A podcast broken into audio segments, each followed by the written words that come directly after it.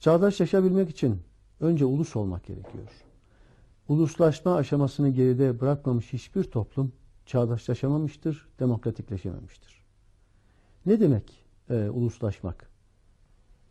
Aynı e, topraklar üzerinde benzer koşulları paylaşan insanlar arasında bir biz duygusunun, bir dayanışma duygusunun uyanmış olması demek. Başka bir deyişle kabile düzeninin, aşiret düzeninin geride kalmış olması demek. Atatürk e, Kurtuluş Savaşı'nın öncülüğünü yapmaya başladığı zaman 1920'ler Anadolu'sunda 24 etnik kökenden gelen insan vardı ama bir ulus yoktu. Ve ulus olmadan da çağdaşlaşılamayacağının bilinci Atatürk'te çok belirgin olarak vardı. Şimdi burada önemli olan şu.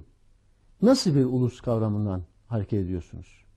Eğer ulusu siz ırka dayandırırsanız, dine dayandırırsanız, başka bir ulusçuluğa varırsınız. Ulusu Atatürk'ün anladığı gibi bir kültür birliğine dayandırırsanız başka bir ulusçuluk anlayışına varırsınız. Atatürk'ün ulusçuluk anlayışı ortak geçmiş, ortak dil, ortak kültür üzerine kurulu bir ulusçuluk anlayışıydı. Dikkat ederseniz bu ulusçuluk anlayışı içerisinde ırk da yoktur, din de yoktur. Ha aynı topraklar üzerinde yaşayan insanlar eğer aynı ırktan ise, aynı dinden ise bu kötü bir şey mi? Hayır. Elbette ki dayanışma duygusu daha güçlü olur. Uluslaşma daha kolay olur.